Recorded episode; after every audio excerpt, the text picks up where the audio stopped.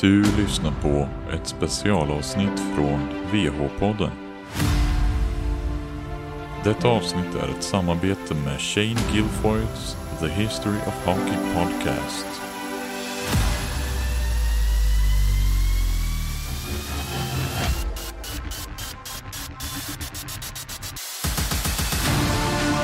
Evgeny coming down the middle, a shot, and it comes in over. He scores! He scores!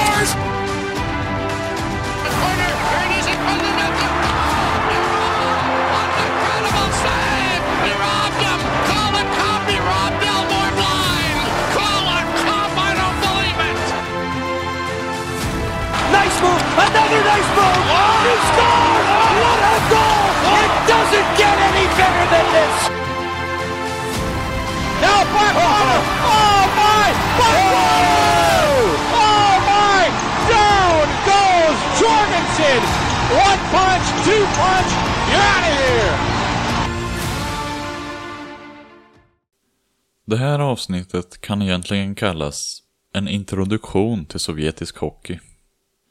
Som titeln antyder är detta bara ett litet skrap på ytan på vad sovjetisk hockey egentligen började. Detta speciella ämne och sovjetisk hockey som helhet förtjänar ett mycket djupare dyk och det kommer det kanske få i framtiden. Det behöver få ett avsnitt eftersom uppkomsten av sovjetisk hockey är en helt otrolig historia. Det var en meteorisk uppgång som vi aldrig någonsin tidigare hade skådat. Så vi kommer dit, förhoppningsvis. Men nu kommer vi höra några om grunderna. Med uppkomsten av det sovjetiska partiet under första världskriget och dess efterföljande strypgrepp på landet efter den ryska revolutionen framstod det som att kommunisterna tycktes avsky internationellt idrottsliv. Det sågs som en västerländsk kapitalistisk fallgrop. En av de många saker som skulle kunna leda till samhällskollaps. Sovjeterna betraktade sport som något som tjänade individen, inte kollektivet. Att helt skärma bort sport var intressant, särskilt med hänsyn till hockey. Hockeyhistoriker kan spåra sporten i Ryssland långt tillbaka. Ingen är säker på exakt hur långt tillbaka, men det finns uppgifter om att den ryska armén hade vinterbataljoner som skulle åka skridskor ut i strid. Det finns dokumenterat att tsar Alexander III, som levde mellan 1845 och 1894, spelade hockey som barn. Och visst fanns spelet långt före honom, och någon lärde honom det. Om inte så är det kanske dags att vi hyllar honom som sportens skapare. Så kort sagt kan man säga att de har ett långt förflutet att spela spelet. Efter andra världskriget förändrades sovjeterna. De såg sport som ett sätt att visa hur dominanta de var och att de kunde vara hur överlägsna som helst. Kommunismen är det bästa systemet på planeten, så låt oss bevisa det genom sport. Regeringen började bygga ett sportprogram, vars kronjuvel skulle vara ett hockeylag. Sovjeterna utvecklade en skicklighet för spelet extremt snabbt. Desto mer imponerande eftersom det var nästan helt ifrån grunden. De hade spelat bandy i flera år, vilket kräver en liknande uppsättning färdigheter som hockey, men det finns fortfarande tillräckligt stora skillnader mellan sporterna. Deras enorma uppgång har också nästan allt att göra med en man som heter Anatolij Tarasov. En man som verkligen kan kallas ryska hockeyns fader.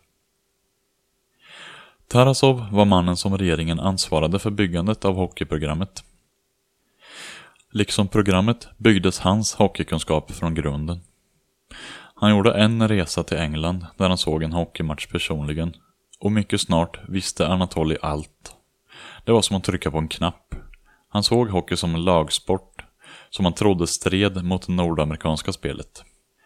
Tarasov var så laginriktad att han tillät alla befintliga lagmedlemmar rösta om en ny spelare fick vara med i laget eller inte. Han utvecklade en hockeystil som var helt annorlunda än sina nordamerikanska motsvarigheter. Och det var så regeringen ville ha det. Faktiskt så nekades Tarasov allt utländskt studiematerial, såsom filmer på matcher och så vidare. Så mycket ville regeringen att deras program skulle vara annorlunda. Tarasov fokuserade på finess, hastighet, lagarbete och konstnärskap. För det var så han såg det. Som en konst. Han utvecklade övningar för spelare från vardagliga aktiviteter han tänkte på saker som helt enkelt inte hade gjorts förut. Klättra i träd, krypa omkring i skogen, kullerbyttor och så vidare. Säg vad som helst och han gjorde en övning av det. Tarasov var också oerhört skicklig på att se något i vardagen och frågade sig själv Hur kan jag använda detta för hockey? Men att sen faktiskt också kunna hitta ett svar på den frågan. I själva verket införde han även klassisk bolsjojdans i benövningar och spelstilar för målvakter. Tarasov var en riktig pionjär och var övertygad om att hans spelare skulle ha kul, något som vi skulle få se försvinna under senare år. Tarasov började bygga programmet efter kriget och 1951 var de redo för internationellt spel. Från det ögonblicket fram till kommunismens fall 40 år senare dominerade den röda maskinen sporten fullständigt. Deras internationella matchfacit var 738 vinster, 110 förluster och 65 oavgjorda matcher. Ryssarna spelade sin första internationella match mot Östtyskland den 22 april 1951 och vann med 23-2. När 1972 kom hade Tarasov och hans spelare vunnit allt. VM-guldmedaljer, olympiska guldmedaljer och de skryter med ett fantastiskt matchfacit. Men någonting undvek honom och hans lag. Framgång mot de allra bästa i världen, NHL. Professionella spelare fick inte delta i OS vid den här tiden. Och hur roligt som det än låter så är ryssarna amatörer. För att bevisa att sovjeterna var bäst startades en lång process som så småningom skulle kulminera i Summit Series 1972. Summit Series var en tillställning med åtta matcher mellan Sovjet och ett kanadensiskt lag bestående av de bästa NHL-spelarna. Anatolij Tarasov hade fått sin drömmatchning och det var dags att visa världen vad hans spelare var kapabla till. I en hjärtskärande vändning kunde Tarasov dock inte delta i Summit Series. Under vinter-OS 1972 i Sapporo i Japan ställde Sovjetunionen mot Tjeckoslovakien i finalen. Som en gest av vänskap beordrade sovjetiska tjänstemän Tarasov att spela en läggmatch. De berättade för honom att se till att det skulle bli oavgjort. Även med ett oavgjort resultat så skulle sovjeterna vinna guld, men Tarasov vägrade. Hans lag spelade till sig en 5-2-seger. Tarasov blev sedan pensionerad efter OS. Han blev helt förkrossad. Hockey var hans liv. Han skrev mer än 40 hockeyböcker och han hade ett nästan oslagbart nationellt program för att bevisa det. Enligt hans dotter, Tatiana, återhämtade han sig inte riktigt efter att ha förlorat sitt hockeylag. Sovjetunionen fortsatte med att spela mot det kanadensiska NHL All-Stars-laget. Kanada var typiskt Kanada. Kaxiga, arroganta, självberättigade. En känsla av att du borde känna dig lycklig och vara på samma is som oss-attityd. Kanadensarna hånade ryssarna och sa att de var på låtsas. Det förändrades snabbt när ryssarna vann tre av de fyra första matcherna, som dessutom spelades i Kanada. Kanadensarna spelade fult mot ryssarna och tog friheter vid varje tillfälle de fick. Sovjeterna rapporterade Vi är här för att spela hockey. Kanada är här för att slåss. I matchen som kunde se till att Sovjet inte kunde förlora matchserien slog den kanadensiska och Philadelphia Flyers-kaptenen Bobby Clark ett yxhugg på Valerij Karlamov från Sovjetunionen så hårt att han bröt fotleden. Fram till dess hade Karlamov varit lagets bästa spelare och nu var han skadad. Med den monumentala förlusten lyckades kanadensarna smyga sig förbi och ta hem serien med fyra vinster, tre förluster och en oavgjord. Trots den snäva segern skrämde ryssarna skiten ur kanadensisk hockey så mycket att de tvingades tänka om hela sin inställning till hur de uppfostrade och tränade hockeyspelare. 1977 kom Viktor Tichonov ombord på den sovjetiska hockeylandslaget som huvudtränare. Han liknade Tarasov på kanske bara ett sätt. Han var noggrann in i minsta detalj. Där de två skilde sig åt var det dock nästan överallt. Medan Tarasov älskade, och verkligen älskade, sina spelare. Tarasovs dotter sa att han såg på dem som sina söner. Såg Tishonov dem som män som bara tjänade ett enda syfte. Seger för landet. Tarasov tränade med kärlek. Tichonov var en diktator. Nästan alla spelare som haft båda tränarna kommer göra samma jämförelse. En spelare för Tichonov sa att om han någonsin skulle behöva göra en hjärttransplantation skulle han gärna ta Tichonovs hjärta eftersom han aldrig någonsin använt sitt. Tarasov sa till sina spelare som inte låg, speciellt i ungdomsprogrammet, att varför sådana dystra ansikten? Le lite, du spelar hockey.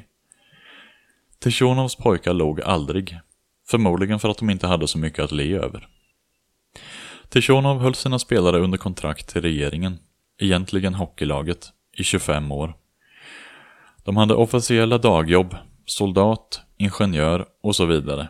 Men deras enda riktiga jobb, eller plikt, var hockey, hockey, hockey. Tichonov höll dem i militära kaserner 11 månader om året. De tränade fyra gånger om dagen och träffade nästan aldrig sina familjer. Om de upptäcktes utanför sina rum efter stängning blev det bestraffning.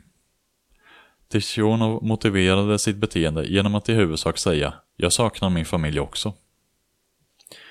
Tichonov kontrollerade allt. Vill du ha en ny lägenhet? Vi får se hur du spelar. Vill du ha den nya bilen? Vi får se hur du spelar. Alla som klagade på schemat, laget, tränaren, regeringen eller något som helst riskerade pensionering och hamna i Sibirien som soldat i armén. Och detta var en verklig rädsla för spelarna. De kanske sista bilderna på Tarasov som finns är när han tränar Slava Fetisov som nyligen hade sparkats från laget för att han haft sina egna åsikter. Att titta på filmerna av Tarasov som är så gammal och trasig men ändå lyckas fortsätta är både otroligt och sorgligt. Fetisov vänder sig till Tarasov för att få hjälp eftersom han inte har någon annan. Hockeyvärlden hade stängts för honom efter att han bad om att få släppas så han kunde spela i NHL. Han blev helt utfryst. Tarasovs kärlek till spelet och hans spelare minskade aldrig. Han hjälpte Fetisov och tränade honom igenom det vanliga, strikta träningsprogrammet. Detta skulle vara sista gången Fetisov skulle se mannen som älskade hockey så mycket att det var omöjligt att inte märka det. Inte för att programmet på något sätt var ett misslyckande. Rysk hockey dominerade i årtionden. Men man kan inte låta bli att undra vart programmet skulle ha hamnat, vilka ännu högre höjder det kunde ha fått om bara Tarasov hade fått fortsätta träna laget. Tack för att ni har lyssnat.